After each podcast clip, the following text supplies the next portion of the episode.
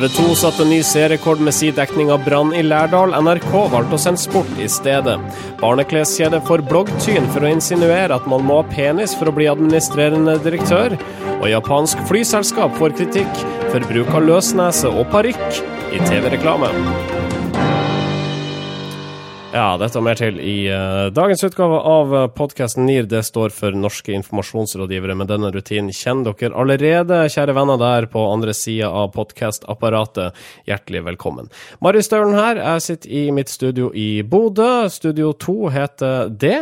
Og i uh, studioet i Oslo, der finner vi våre venner Sindre Holme og Marius Torkelsen. jeg husker ikke, hva heter studioet deres? Studio Pi heter det. Studio Pi var det. Og vi begynner med mannen som sa noe der. Eh, godeste Holmis, eh, hva har skjedd i ditt liv siste, den siste uka? Jeg har, eh, jeg har, vært under jorda i løpet av en uke her. Utrolig spennende uke. Jeg var faktisk under Oslo. Og det her var veldig interessant, fordi vi har jo kjørt tidsmaskin her. Men faktisk da jeg var under jorda, så følte jeg at det var en ekte tidsmaskin. Det var som om jorda, eller på en måte tiden hadde stoppa, da, og alt var liksom hermetisert i 1983. For jeg var på uh, noe som heter Valkyrien, som er en sånn T-banestasjon som ble nedlagt i 1983. Det var jo en ganske slitt stasjon, da. Uh, men det var reklame i fottrinna, i trappetrinna. Og det var reklame for Bik Bok og Poco Loco, som var sånn skikkelig 80-tallsmerke i Norge, da. Ja. Det norske klesmerket som var superpopulære på 80-tallet. Så det var sånn jøss, nå er jeg i 1983. Uh, Hva gjorde du uh, på T-banestoppet Valkyrien? Jeg var på en slags rekognosering, eller en slags feltarbeid. mer kan jeg egentlig ikke si om det. Men du brøyt deg ikke inn der? Nei, nei, jeg gjorde ikke det, altså. Eh, jeg fikk lov. Altså, det var folk fra Ruter med og, og sånn, da. Så um, det var eh, under liksom ordna forhold. Det var ikke sånn at jeg stakk inn, tok meg en fluktstol, satte meg ned for å kikke på uh, T-banen som susa forbi. Ja. Liksom. Det var ikke det. Er det her en av de her street smart-kampanjene til Starcom? det er jo liksom med, med undergrunnskampanjen, da ja. til Starcom, vil jeg si. Guerrilla movement. Ja, den som, ongoing. Ja, som sniker seg inn i underbevisstheten. og de har en del kampanjer som aldri skal bli kjent for noen. Ja. Det er de som skal bli veldig veldig kjent, og som skal hjelpe kundene til å få veldig mye oppmerksomhet, har de som ingen skal vite om. Ja, du vet jo, Vi er jo PR-rådgivere innerst inne, ikke sant? Ja. så vi driver med litt sånn ting som egentlig ingen skal vite om, da. Ja, de billigste PR-triksene eh, folk kan betale dere for, de uh, fremgår som kampanjer på en nedlagt T-banestasjon. Uh, og de er kjempegode for de som er så heldige å få tillatelse av Ruter og komme ned dit og se på de kampanjene. Star kom der, mine damer og herrer. Og vi går rett til Marius Torkelsen. Hva skjer i ditt liv om dagen? Uh, I livet mitt uh, denne uka så, så Jeg har jobbet mye, da, men, men eh, det er ikke så spennende å høre om. Uh, så jeg kan heller fortelle om noe jeg har tenkt litt på, og som, som jeg har reflektert litt over. Og det er litt sånn relevant for vårt, for vår, vårt format, da, vil jeg si. Podcast? Ja, podcast. for jeg har tenkt en del på um, dette med vanlig radio. Det er sånn, sånn, radio som ikke er på internett. Eller er på internett også, men ikke først og fremst. da, Det er analogt. Er du ironisk nå på, vegne eller altså på bekostning av FM-båndet? Nei, det er ikke ironisk. Det er, det er jo sånn, sant. ja, du vet en radio vet du, som du ikke hører på internett sånn som gamle folk hører på. Nei, men Vi, skal, kan ikke forutsette at alle som hører på oss, hører på vanlig radio. Kan ikke det? Det er, det er du som alltid måtte purre på oss på at vi skal måtte fortelle leserne om, om okay, nei, lytterne hva vi snakker om. Ja, hva det er pedagogikk? Jeg bare får komme inn i, inn i resonnementet mitt. da. Ja, ok, vær så god. Takk. Uh, og, og uh, på denne vanlige radioen så er de i ferd med å de, de skal legge, legge, om til måte, et digital uh, sendeplattform, holdt jeg på å si, bort fra FM-båndet over til digital radioformidling. og i, i, den forbindelse så er, man, er jo man avhengig av at det er ganske mange der ute som sitter med DAB-radioer for å kunne motta dette digitale signalet. Mm. og så har det slått meg når jeg har hørt på sånn spesielt kanskje konkurransene som, som P3 kjører er at eh, NRK bruker P3 eh, og konkurransemekanikken bare for å måtte, forsyne den norske befolkningen med DAB-radioer. For det er så mange ekstremt enkle konkurranser på P3. Få et eksempel. Eh, Førstemann som ringer inn og sier 'Harald', får en DAB-radio. ja, Har hunden pels eller skjell? Ring inn, få en DAB-radio. Alle konkurranser, ti ganger om dagen, kan noen vinne en, en DAB-radio. og Det holder å ringe inn og svare feil, så får du likevel en DAB-radio som, som takk for innsatsen. Først så fikk du en kopp, ikke sant, hvis du svarte feil. Nå får du en DAB-radio. Hvis du svarer feil. Eh, NRK er redd for at folk skal slutte å høre på radio, spesielt når de skal bytte om til dette digitale båndet. Og eh, derfor tving, påtvinger de norsk ungdom eh, DAB-radio, så de i hvert fall kan si at eh, ja, men den norske befolkningen har DAB-radio, og de, vi er relevante for dem. Ja, det er relevant at den står i boden. De Ja. har den. De har den. Ok, vi setter i gang eh, NIR episode 56. Velkommen skal du være. Norske informasjonsrådgivere. Vi starta sendinga i Kyrkjedalen i Lærdalen, hvor mer enn 23 hus brant ned til grunnen i en brann som starta lørdag kveld. Heldigvis gikk ingen liv tapt, men flere enn 400 ble sendt til legesjekk etter uh, flammeinfernoet. TV 2 besørga heftig dekning av brannen fra tidlig søndags morgen, mens Rikskringkasteren, sjølveste NRK, kom på banen atskillig seinere. Og nå får Statskanalen kritikk, bl.a. av kommentator i Bergens Tidende, Frode Bjerkestrand. Landets statseide og lisensfinansierte kringkaster valgte å sende sport i timevis før det gikk opp for dem at Lærdal ligger i Norge, kommenterer han tørt i en kommentar i egen avis. Ja, Bjerkestrand eh, bedriver jo mediesatire her. eh, Og han, eh, jeg tror han også søker etter en plass i Nytt på Nytt-panelet. Vi får se om det lykkes. Men, men poenget hans er det at NRK burde gjort som TV 2 og sendt fem timer uavbrutt eh, fra Lærdal. eh, For å måtte virkelig gi denne nasjonale katastrofen eh, Eller det er vel en lokal katastrofe med nasjonal oppmerksomhet. eh, Den, den eh, oppmerksomheten som den fortjente, istedenfor å måtte sende sport og sende slike skikkelig ting. I et slikt format som TV 2 Nyhetskanalen serverer, fem timer sending fra Lærdal, det blir noe tørrkoking her, blir det ikke det? Ja, altså det, det er jo egentlig vårt poeng med å ta opp dette. her, fordi Når, når Bjerkestrand eh, kritiserer NRK og så viser til TV 2 som en slags best practice, eh, så, så må det jo finnes en eller annen form for middelvei mellom, mellom de to. Altså, eh, Kanskje ikke NRK via det nok opp, oppmerksomhet. Eh, det kan være, men jeg, jeg så denne, dette NRK-innslaget som begynte kvart på tolv på søndag. Og de prata om dette i ti minutter, og så måtte de begynne på nytt igjen eh, og prate om det som hadde skjedd. Og de hadde ikke nok materiale, nok bildemateriale til å måtte virkelig kunne gjøre en ordentlig sending ut av det. Fordi eh, det var jo vanskelig å få ut mobilsignaler, få ut eh, nettsignaler fra Lærdal fordi alle basestasjonene til Telenor hadde brant ned. Så det de hadde å vise, var jo enten da bilder fra nattens brann, som for så vidt jo er spektakulære bilder, men ikke sånn veldig nyhetsverdig i og med at det var slukket. Eller måtte da utbrent, eh, kall det bysentrum, som også er eh, altså verdt å vise og viktig å formidle, men, men eh, du kan også få formidlet det ganske godt på ti minutter. Resten blir jo brukt på en måte å spørre eksperter om hva de tror folk føler nå som husene deres er brent ned, og det er ganske åpenbart at det er ikke nyheter, det er jo eh, velte seg i andres ulykke. Altså, eh, det, det her viser jo egentlig at eh, store hendelser, eller alvorlige hendelser, skal eh, prioriteres eh, høyt. Man, altså, hvis man ikke rydder sendeskjemaet, så tar man det ikke alvorlig nok.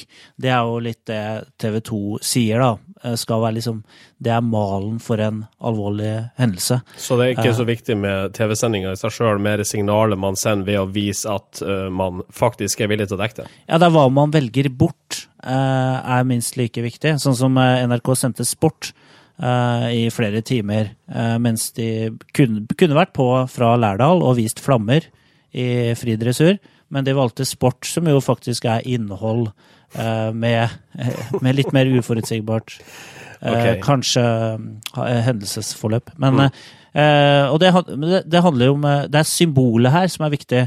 Uh, og for TV 2 så viser jo eh, avslører på en måte en sånn derre eh, hva, hva de syns er viktig. For eh, Nyhetskanalen er jo en kanal som er oppretta ikke for å få nødvendigvis mange seere, men for å trene journalister og nyhetsankere til å dekke store, alvorlige hendelser. Så for dem så var det her en kjempegod trening. Og, og for å måtte trene nyhetsankere og journalister til å dekke små hendelser som om det var store hendelser. Ja, det også. Ikke at dette var tilfellet denne gangen, men man har sett en del andre ganger sånn Nå er det oversvømmelse på Prix Sjøvegan. Hva sier du til det, reporter på stedet? Jo, det er stor oversvømmelse. Alle brødhyllene er, er oversvømt. Eh, Vi tror det ikke kommer mer ferskt brød her på de kommende tre timene. Eh, Vi kommer tilbake med mer senere. Ja, til dere nye seere så er det altså fortsatt oversvømmelse på Prix Sjøvegan. Og Og, og du kan si at uh, NRK er jo en uh, særstilling. De har litt sånn allmennkringkasterkrav på seg. Eh, de har lokalkontor i Sogn og Fjordane som kan si at de er kanskje mer forplikta til å dekke den type hendelser raskere. Men de var jo på, på P1, de var på nrk.no. Altså, de var jo og De fortalte jo kjapt om det som skjedde. Og de sendte Men- i løpet av natta, altså, Men- ikke minst. Ja, ikke sant? Og de, men de valgte altså ikke da eh, å gjøre denne symbolhandlingen, da. Og rydde hele sendeskjemaet på, eh, på NRK1. Mm. Nå har jo NRK i etterkant uh, lagt seg litt bakpå, eller beklaga at de ikke var tidlig nok på'n på uh, søndag morgen. Nå har vi drevet en slags mediesatire med TV 2 her før dem, men samtidig så skal vi vel gi uh, Bjerkestrand i Bergens Tidende noe rett i at NRKs moderskip kunne ha i hvert fall sendt noe her på morgenkvisten. Ja, altså det er veldig lett for altså, For oss så var ikke dette et problem. og Når jeg sier oss, så mener jeg oss tre, eh, og folk som oss, som, som måtte ha tilgang på TV 2 Nyhetskanal, som har tilgang på nett, og som klarer å innhente informasjon gjennom andre kanaler enn NRK. Eh, det finnes jo fortsatt en, en eh, prosentandel i Norge som ikke har tilgang på nett, eller kanskje noen andre kanaler, som kun har NRK å stole på for nyheter. Og for dem så, så blir man jo måtte, sittende litt i et vakuum, og NRK sin rolle som rikskringkaster er å ta vare på alle. Mm. Så inntil måtte, de siste to prosentene kommer seg på nett, så står vel kritikken i Bjerkestrand så vidt, Ja. men, men ikke så veldig mye mer. Altså, når- Og så begynner han å trekke en måte om om, om NRK er mer opptatt av sponsorene og store, dyre sportsarrangementer enn eh, de stakkars folka i Lærdal, og da, da, Det er da blir det litt langt. Det. Altså, mange av de der gamle, velkjente debattene kommer jo opp igjen. ikke sant? Eh, NRK er altfor Oslo-sentrert. Eh, ikke sant? Du får den derre Bergen mot. Oslo, ikke sant? bygda mot byen. Mm. Du får igjen en del av de klassiske debattene da, som NRK er veldig sånn utsatt for å få mot seg. Nettopp pga. at de har et spesielt ansvar uh, med at de er lisensfinansiert, og det er Statskanalen. Ja. OK, eh, da skal vi sette en strek. Vi gjør det ved at jeg stiller to spørsmål. Tommel opp eller tommel ned for NRKs dekning av storbrannen storbrann i Lærdal? Tommel opp. La oss gi tommel opp eh, for det, da. OK, og så spør jeg tommel opp eller tommel ned for TV 2 sin dekning? Tommel ned. Tommel opp. Ekspertpanelet er delt der. Vi går videre. Norske informasjonsrådgivere. Vi skal til Japan. Jeg tror vi flyr til Japan, jeg. For flyselskapet All Nippon Airways, eller ANA, er i trøbbel etter en reklame de har fått produsert. Denne reklamen her har fått så ørene flagra, det forteller VG. Hvor har de fått så ørene flagra? Jo, på Twitter. Og hva er det ANA nå har gjort? Nei, De har lagd en eh, reklame. De har prøvd å være vittige, så de har lagd en uh, liten videoreklame. Hvor det er to personer som står og snakker sammen. Så sier han ene at uh, ja uh, Hvis vi skal liksom fly til utlandet, så må vi forandre stilen til det japanske folk. Vi må bli litt mer imøtekommende og litt mer eh, vestlige, da. Og da plutselig eh, får han ene en blond parykk og en stor løsnese. For det skal liksom eh, være symbolet på hvordan folk i Vesten ser ut, da. Ja, for det er det jo slik vi ser ut, er det ikke? Jo, jeg har i hvert fall stor løsnese stadig vekk, jeg. Hvem er det som fremmer kritikken mot dette japanske selskapet, og altså beskylder dem for rasisme? Altså, det er jo en del av de, kall det utenlandske passasjerene eller potensielle kundene deres som reagerer kraftig på at uh, europeere blir framstilt som blonde og med uh, større nese enn uh, japanere. Eller den gjengse japaner. Um, Og ikke nok med det, men i tillegg så er, ser jo ikke den, denne parykken eller denne løsnesa spesielt ekte ut. Eh, og det kan jo være en litt sånn, sånn Kall det Østens kritikk på vårt overfladiske samfunn, hvor stadig flere får plastiske operasjoner osv. Det er mange måter å bli fornærma på her hvis man ser ordentlig, ordentlig godt etter, og det er det noen som har gjort. Eh, altså, det som kanskje gjør eh, debatten, hvis man kan kalle det litt interessant, er jo det altså Hvis det hadde vært motsatt, da. Si liksom KLM hadde lagd, lagd en reklame hvor eh, de skulle begynne med ruter til Japan, og så ja, da må vi liksom tilpasse oss eh, Japan, og så plutselig sto han igjen der med liksom supersmale øyne og, og en svart parykk. ja. ja, men da altså, Det er godt mulig at det hadde blitt bråk da, fordi, fordi det kan jo sikkert noen føler seg støtt av. Eh, Så hvis det skal være likt, så skal man jo bli støtt begge veier, men jeg har vanskelig for å bli støtt. Ja, en Og så- Sindre, blir du støtt av eh, reklamen til eh, dette japanske flyselskapet? Nei, Jeg syns, jeg synes jo egentlig først og fremst at det er litt sånn dårlig håndverk, reklamehåndverk. Fordi at karikaturen er, ligner jo ikke. Uh, den bør jo ligne, ikke sant? Du bør kjenne deg igjen. Jeg bør føle å ja, søren, ja, vi ser jo litt teite ut, vi, vest, vest, vi er jo litt rare, vi vestlendinger. Den gjenkjennelsen får jeg ikke. Men jeg syns jo reklamene er har noe interessant i seg. Det er nettopp det der med at japanere som tar litt sånn selvkritikk, på en måte, da, på at de liksom eh, på en måte, De er for innadvendte. Skal de lykkes med å eh, snakke med utlendinger, eller liksom å, å, å åpne seg for utlandet, så må man bli mer utadvendt. Det er et godt poeng, da. Uh, men så blir det en sånn Det blir en sånn Benny Hill Jeg vet ikke. Det blir Ja. sånn uh, veldig uh, slapp humor, rett og slett. Da. Men og, og, så gjør det jo ikke noe negativt i den reklamen. Altså, han, de, han ene plutselig får få på seg parykk og løsnese, og hvis han da plutselig hadde måtte, begynt å oppføre seg på en negativ europeisk måte, så hadde jo kanskje? Nei, altså, spise altfor mye bagetter og uh, uh, Sånn eh, cross-training og Mm, Songen 'Never Gonna Give You Up'. Ja, ikke sant? Sy- Synget falskt på karaokebarer og vært altfor full på løl, lørdagskvelden og sånn. Ja. Eh, så kanskje man kunne følt seg støtt, men det er, da slutter jo reklamen når han får på seg den, denne parykken. Når det måtte begynne å bli interessant. Da er han jo ferdig. Ja. Og han bare smiler jo, så han ser bare ut som en glad europeer, hvis, han, hvis, ja, hvis det Det er sånn europeere ser ut. Det var der kritikken burde ha vært. Altså Man burde kritisert reklamen for å være for kort. Nå begynte det å bli morsomt, og så Ja. kutta dere reklamen. Ikke sant? You tease. Jeg, jeg mener det er helt på sin plass å kritisere reklamen fordi den er dårlig, men ikke fordi den er rasistisk.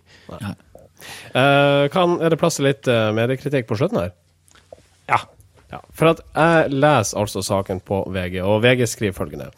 Annonsen utløste en storm blant engelsktalende på sosiale medier da den ble vist første gang lørdag. Noen av meldingene går ut på at de mener reklamen er rasistisk og stigmatiserende. Og så siterer VG eh, eller de vil i hvert fall sitere noen av reaksjonene. Og de eh, har da én reaksjon. Og på bakgrunn av dette så kommer altså den saken. Vil dere vite hvor mange kommentarer den filmen har på YouTube? Ja. Null. Null, null kommentarer på YouTube. Det er i hvert fall i innspillende stund. Ja.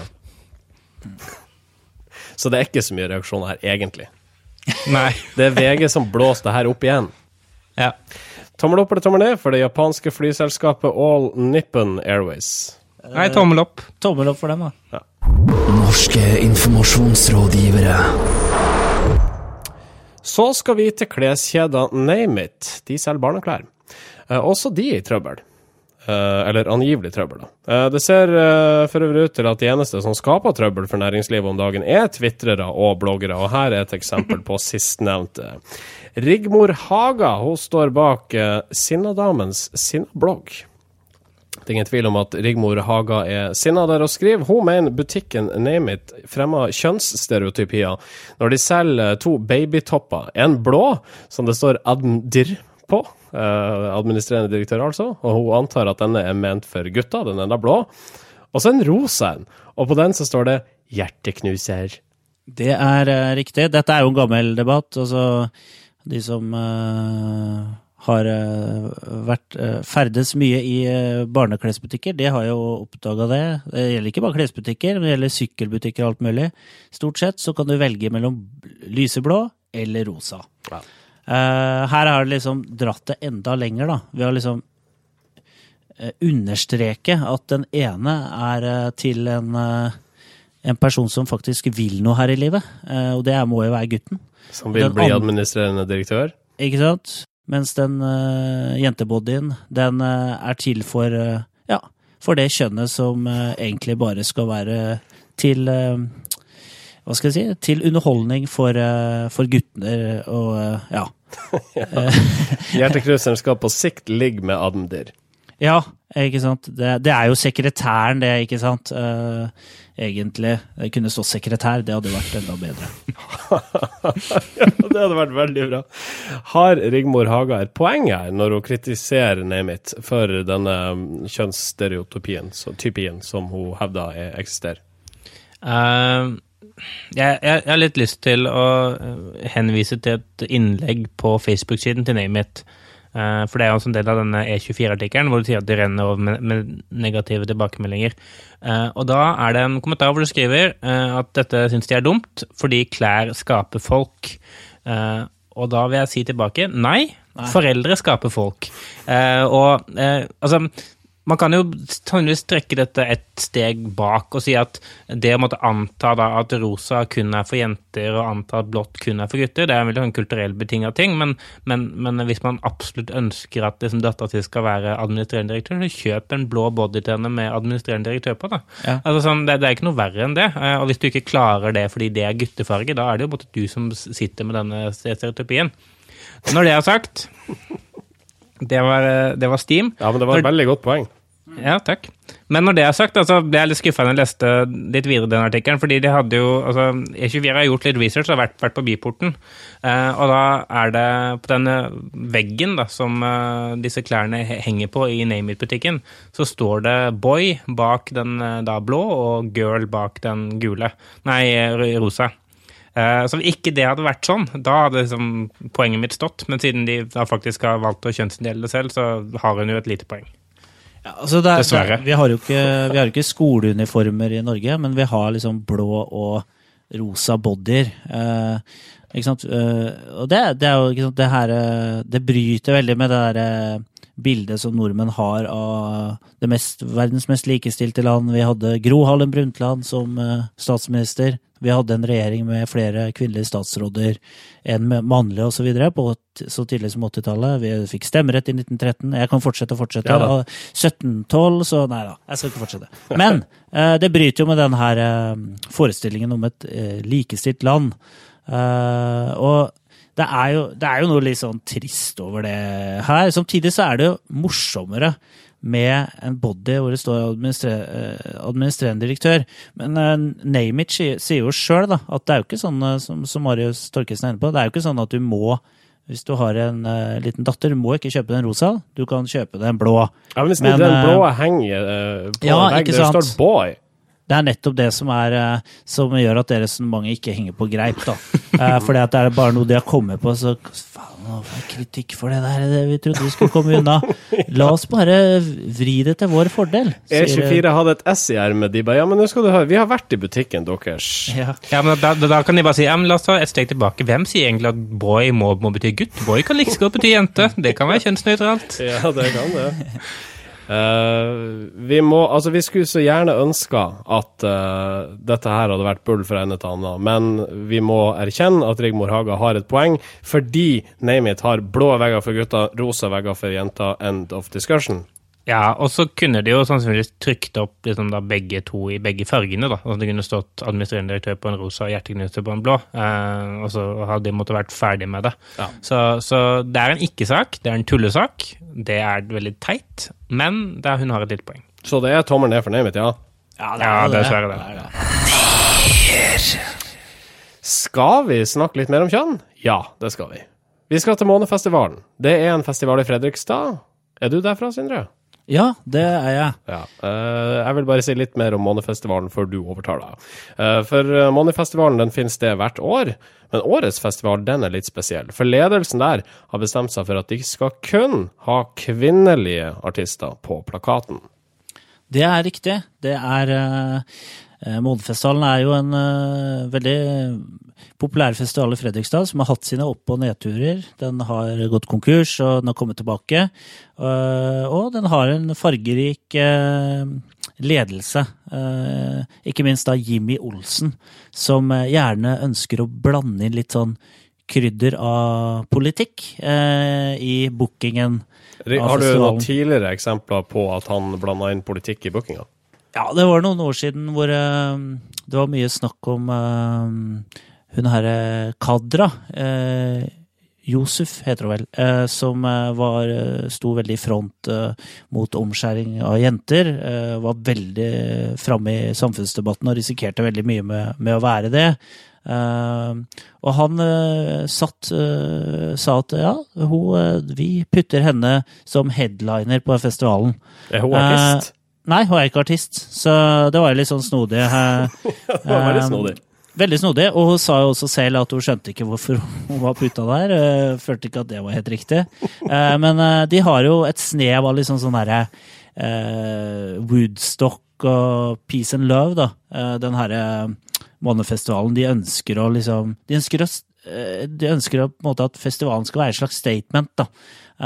og det, Grunnen til at vi har lyst til å snakke om det her, er jo liksom hvordan funker det i 2014? Skal musikkfestivaler ha en politisk slagside, og ja, funker det, rett og slett? Jeg, jeg, jeg syns jo Jimmy Olsen egentlig slår litt beina under det han prøver å få til. Fordi eh, altså Hvis han bare hadde booka en festival kun med kvinnelige headlinere og måtte latt det være med det uten å gjøre noe poeng ut av det, eh, så kan man jo bare si det. ja, selvfølgelig, alle er bra artister, eh, dette er, dette er en kul festival. Men når man gjør det til et poeng, at vi har kun booket kvinner i år, og alle er flinke, så er det jo likevel altså den viktigste, kall det Det viktigste ved disse artistene er at de, er kvinner. Mm. Susanne Sundfør kommer ikke til å spille her. Nei, ikke sant? For hun er eh, først og fremst artist, ikke kvinne. Ja, hvis vi bare sagt, Nå har vi booka en, en vi, For festivalen har vi bare kun booka en dødsbra artister. Så kunne måtte andre eh, lagd et poeng ut av at det kun er kvinner. Men, men når liksom, han lager et poeng ut av det selv, så syns jeg at da faller det litt for eh, ja, det faller på stengrunn, på, på grusgrunn og eh, på stentak. Og så, og så, føler jeg det er litt sånn undervurdering av publikum. For jeg, eh, eh en festival eh, Det er jo en eh, hel pakke.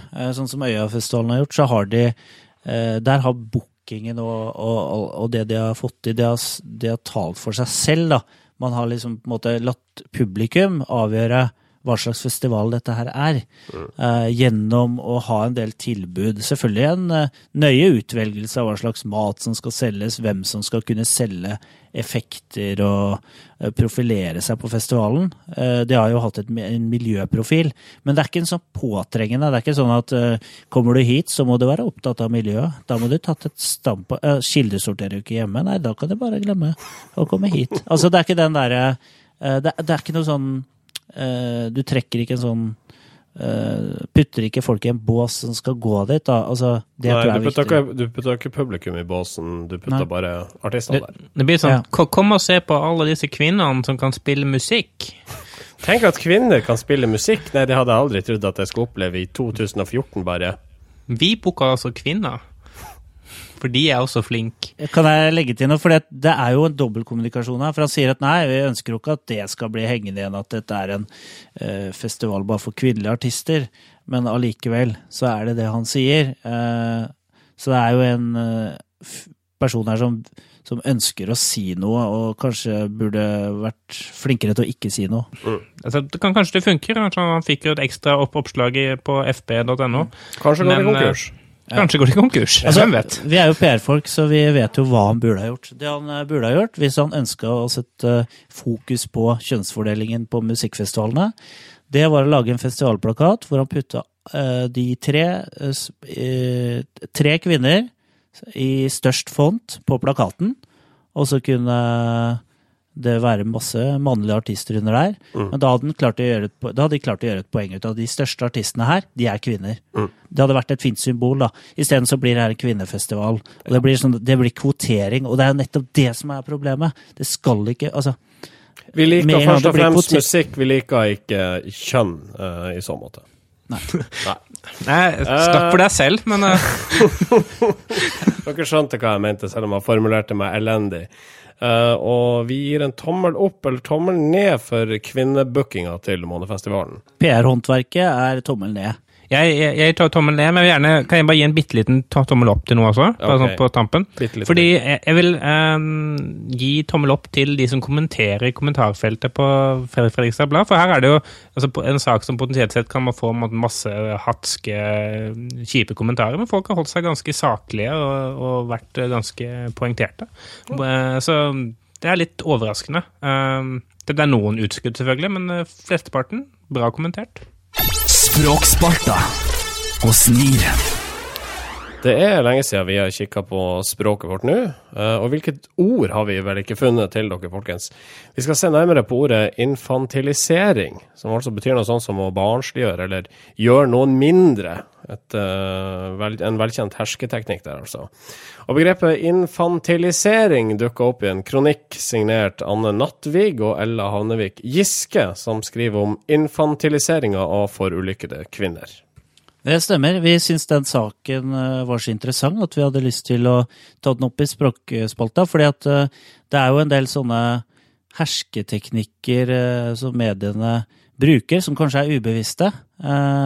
Og som kanskje journalisten ikke tenker på selv, selv engang. Og det er nettopp det denne kronikken handler om. kan vi få en kjapp oppsummering? Ja, eh, de bruker jo ordet infantilisering fordi at de her kvinnene de har, de har vært på fjelltur. Eh, og så eh, ble de sittende fast eh, på fjellet. Eh, og i Sunnmørsposten så ble, ble dette en sak, og de, ble, de var kvinner på midten av 20-åra, slutten av 20-åra, og de ble omtalt som jenter.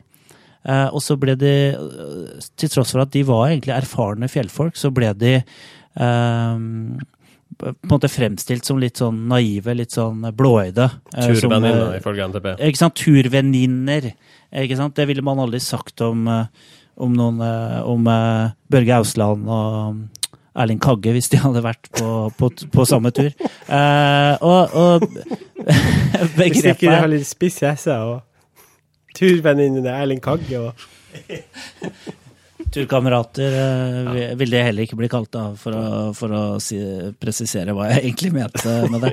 Eh, altså, begrepet infantilisering kommer fra Stuart Hall, som er eh, For de som eh, har har gått på skole og, og lært som medievitenskap eller gått i Volda eller sånt, så er han en del av den der Cultural Studies-skolen, eh, som var veldig opptatt av at eh, et, eh, kommunikasjon er ikke bare det handler ikke bare om sender, budskap og mottaker, men det handler også om eh, koding av budskap. Altså, det budskapet man sender, det har en, viss, en del kulturelle koder i seg, eh, som må tolkes eh, for å forstås i riktig kontekst. Eh, så infantilisering det er jo et begrep som beskriver eh, en situasjon hvor, hvor man blir eh, gjort mindre. Man blir på en måte umyndiggjort da, gjennom språket.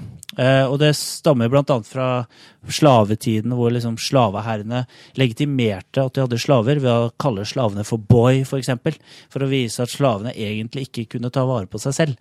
Eh, og, det, og det er jo noe, en type hersketeknikk som jeg tror er ganske vanlig i norske medier.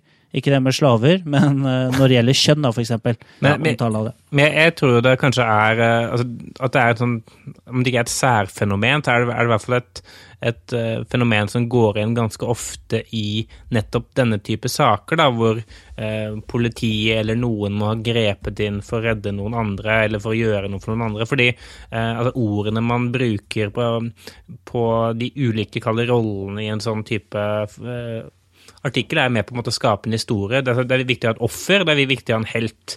Og det er viktig da å I dette tilfellet hvor politiet er helten, så er det viktig å gjøre måte, helten større enn den er, for det er egentlig en fillesak, og gjøre offeret mindre enn det er. eh, For da blir måte, kontrastene større og, og in, altså, historien mer interessant.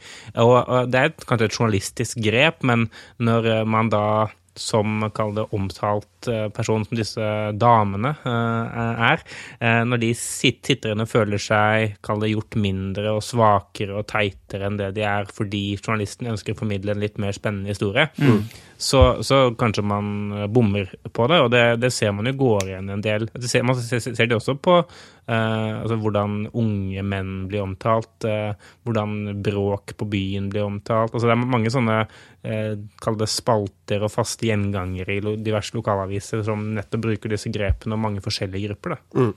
Eh, Sånn at eh, kronikkforfatterne eh, Anne Nattvik og Ella Havnevik Giske de har vel unektelig et poeng. Politiet opplyste at jentene, de, en av jentene satt fast i ei hule, og NTB gjenga at jenta satt bom fast i ei hule. Og gjennom slikt språkbruk så eh, blir eh, kronikkforfatterne, slik som de sjøl formulerer det, stående igjen som passive og hjelpeløse objekter. Skal vi gi en eh, tommel opp eller tommel ned for uh, infantiliseringa av forulykkede kvinner? Vi tommel eh, ned for Ja, det. jeg tar også tommel ned. Og det er, veldig, det er en veldig interessant sånn doktorgradstittel, tenker jeg. Infantilisering av Hva kalte du det? For, forulykkede kvinner. Bra, En doktoravhandling, ja. Ikke gjør dette. Gründer Idar Vollvik er vant til å være i hardt vær, men denne gang så har han tråkka over ei grense, synes nok mange. For Vollvik han selger e-sigaretter i sin Ludo Store. Eh, Og da en venn av han gikk bort pga. lungekreft, så linka han da dødsfallet opp mot sitt eget produkt i en kommentar på Facebook. En av mine beste venner gikk i jorda i dag. Selv har jeg ikke røkt, men han døde av lungekreft. Jeg tror på dette produktet. Det skrev Ida Vollvik på eh, Facebook eh, forrige søndag. Og da skulle han selge e-sigaretter gjennom eh, sin Facebook-konto og ludostore.no. Men jeg vil bare legge til nå før vi går videre, at du la nok en del følelser i dette budskapet og sørga for å få det fremstilt så drøyt som overhodet mulig. Det må du være med på. Det er jeg med på, og det er jo altså Når man skriver noe på Facebook, eller skriver noe hvor som helst annet sted, så må man ha tatt høyde for at folk eh, leser eh, det man skriver eh, der man selv er, og sånn kunne det annet bli lest. Det som var i hvert fall helt åpenbart, var at han forsøkte å måtte kapitalisere på eh, sin eh, beste venns eh, død. Og eh, grunnen til at eh, han får så mye reaksjoner på det, er nettopp fordi det, dette er veldig i tråd med den stilen som er på denne Facebook-siden, eh, kall det resten av året, eh, hvor det er veldig sånn push på ulike produkter. Han prøver å selge boksere med en rev når eh, Ylvis har denne The Fox-hiten. Han prø- prøver å selge barnevogner og puter med armer som kan klemme deg. Eh, alt mulig rart prøver Ida Vollbekk å selge, og han tjener relativt OK på å selge det. Han er en slags Eh, apropos-konge. i Ja, han er, veldig god på apropos eh, produkter, da. Eh, og i dette tilfellet så apropos død. E-sigarett, det traff lekk i helt, kanskje. Eh, Det som er interessant å, eh, å se her, da, det er at eh, ikke sant? eh, Ida Vollvik er veldig hands on, og, og han er vel sin egen butikk eh, veldig mye, så jeg tror han poster veldig mye selv. Eh, Men så sier han at eh, Beklagelig. eh, Dette var et overtramp som vi slettet så snart vi ble oppmerksom på det. Eh, Det er, det er litt sånn der Det ligger et eh, litt sånn eh, anslag av ansvarspulverisering i svaret, da. For det er sånn Ja, nei, vi, eh, vi tar dette til etterretning. Altså, det er, Plutselig ble han et konsern. plutselig ble det liksom et, et stort vi, da. Altså, Du mener du, ikke sant? Direktøren, ja, ja, ikke sant? direktøren for det hele eh, liksom, ja, Hvem er det egentlig som eh, har gjort noe her? Eh, da, eh, det er lett å bruke et vi da, når, når det brenner og, og man har gjort noe dumt. da. Mm, Altså, vi gjør utrolig mye i sosiale medier, og av og til gjør vi feil. Det er menneskelig. Eh, Så ikke bare pulveriserer han ansvaret, han sier også at feilen som noen andre har gjort, den er helt menneskelig å gjøre. Jeg kan forsikre om at dette vil bli tatt opp internt. Og Hvordan uh, Dette her er interessant, forresten, uh, for oss uh, PR-tenkere. Ida Vollvik han fremstår som privatperson på Facebook. Hvordan eh, fungerer det når han i etterkant sier at dette tar vi selvkritikk for, ikke dette tar jeg selvkritikk for? Nei, altså, fordi Det er nettopp det som er eh, det jeg også sitter igjen med. at En ting er at det kanskje er flere som jobber med ludostore.no, og kanskje han har noen lagerarbeidere som sender ut produkter og sånn. Eh, Det hadde jeg kanskje forventa, men det at han også hadde da folk som ghostwrita Facebook-profilen hans som heter Idar Vollvik, og ikke da Luludo Store, det var kanskje en litt større overraskelse for meg. Og når, i tillegg, når det i tillegg står i posten 'en av mine aller beste venner', når det er da skrevet av noen andre, mm. så er det en veldig rar ting å legge i munnen på sjefen sin. Eh, Veldig rart. Så det er, det er et forsøk på å skape en avstand, ikke sant? Mm. Prøve å profesjonalisere ut, utsagnet eh, som om det er eh, ja, eh, ja, som om det ikke Det, det er ikke Sånn, det er en glipp, rett og slett. Ja, ikke sant? Som en glipp som eh, Vi vet ikke helt hva som har skjedd her. Det er litt den der eh, som alle sier, da, når ting har eh, Når det glipper på et eller annet Ja, vi skal gå tilbake og se. Men jeg, men jeg tror han, Eh, han tenker at, at uh, altså, en glipp av en virksomhet er mye lettere å måtte akseptere enn en glipp av en person. Da. Mm. Fordi altså, Når han da sier dette er noe vi ikke burde gjort, så er det som, som, som om plutselig bussen var tom for bensin. Det, det burde jo selvfølgelig ikke vært, men det er bare en teknisk eh, driftsglipp. Uh, dette burde jo ikke skjedd. Og så tenker folk ja, folk at ting kan gå feil når, i, i driften av en virksomhet. Det er vanskelig å drive en virksomhet. Eh, men når da, hvis han personlig prøver, går ut og måtte prøver å kapitalisere på et av sine venners eh, død, så er det en veldig mye sånn, sier veldig mye mer om han som person da, enn bare denne glippen i virksomheten hans. Tommel opp eller tommel ned for eh, Idar Nei, dette er jo ikke gjør dette, så ikke gjør dette. Ikke gjør dette, Vidar. Idar. Ukas kudos. Kudosen denne uka går til eh, Facebook-sida bak forsiden, som altså drives av Aftenposten. Hvorfor? Bak forsiden er et uh, initiativ eh, som journalistene til Aftenposten står bak. Det er en rekke profilerte journalister som, uh, som har lagd en Facebook-side for å fortelle hvordan de jobber, og hva som egentlig skjer i kulissene i avisen. Hvordan de lager saker, og hvordan de jobber. Ting som mange folk lurer på. Eh, hva som skjer i forkant av en sak eh, kommer på lufta, f.eks. Eh, et kjempebra initiativ sånn generelt. Og så er det også veldig gøy å lese enkeltposter. Noen er mer interessante enn andre. Det er blant annet Sandra Mørkestøl, som er videojournalist. Eh, hun forteller at natt til søndag, da den her eh, brannen herja i Lærdal, så ble hun ringt opp mens hun var ute på byen og drakk og eh, alkohol eh, og dansa. Eh, og fikk da et, eh, opp, et anrop fra jobben og ble bedt om å komme på jobb og rett og slett uh, dra over fjellet uh, for å dekke den der hendelsen. Og hun forteller om, uh, forteller om denne, altså både hendelsen og måten hun ble kalt inn på jobb, ganske i detalj også. Ja, ikke sant? Og det er veldig sånn ærlig, ikke sant? Ja, hun, ja, hun var rett og slett på byen, altså. Eh, og må på jobb. Og liksom egentlig sa hallo, jeg, jeg er ikke edru. Eh, jeg er ikke i en eh, tilstand, riktig tilstand, liksom, til å dekke en sånn Altså, det er en ganske alvorlig hendelse også. Men det var. Eh, men, men det sa han kollegaen. Du blir edru på veien over fjellet, så det går fint. Eh, og, og det er sjarmerende, ikke sant? Det er sånn det, det viser liksom at ja, journalister En ting er jo at det viser at man har et kall, da. At man virkelig gjør det som skal til for å dekke en viktig sak. Eh, og så er det veldig ærlig om at eh, ja, noen ganger så er forutsetninger for å lage sak litt annerledes enn det vi som leser avisa eh, skulle tro. Det er nettopp den, den ærligheten som journalistene viser i en måte, omtalene av de sakene de jobber med, som vi syns er kult. Da, at de faktisk snakker om kjipe ting og bra ting, og uh, ting som de gjør feil, og ting som de gjør riktig. Så det det, gjør at eh, vi føler at vi kommer bak forsiden.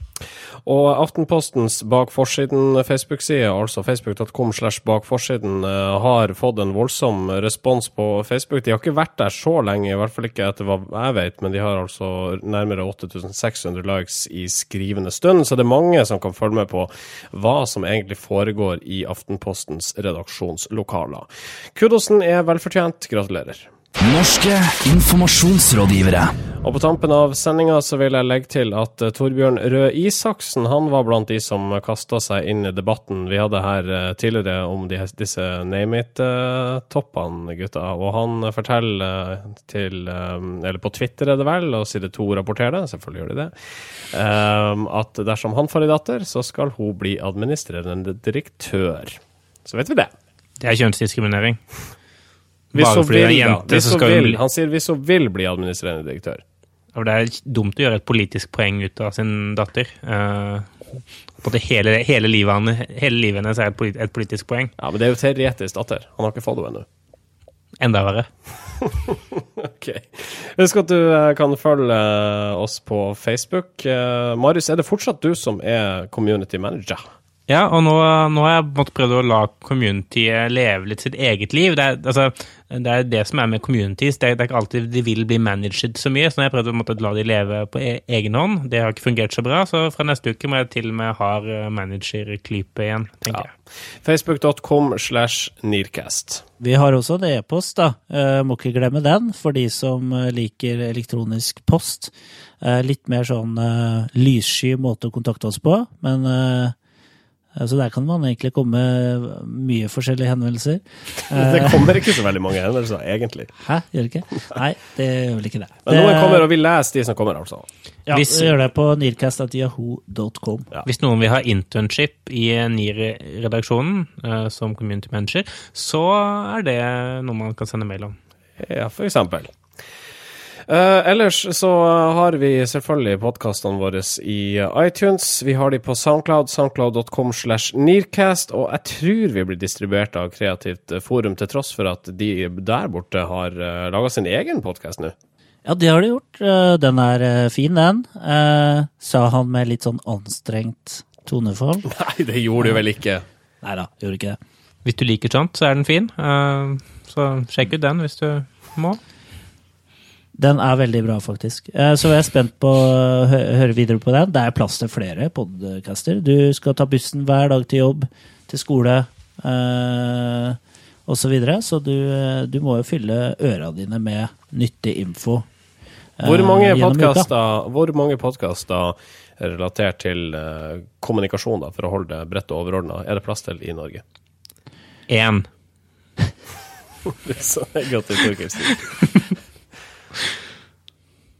Ja, nei, jeg har ikke noe mer å si om det. Ok, men da tror jeg vi eh, avslutter herifra. Folkens, vi høres igjen om ei uke. Takk for at du lykta til oss. Mitt navn er Marius Stølen. Marius Torkelsen heter jeg. Sindre Holm heter jeg. Ha det. Norske informasjonsrådgivere.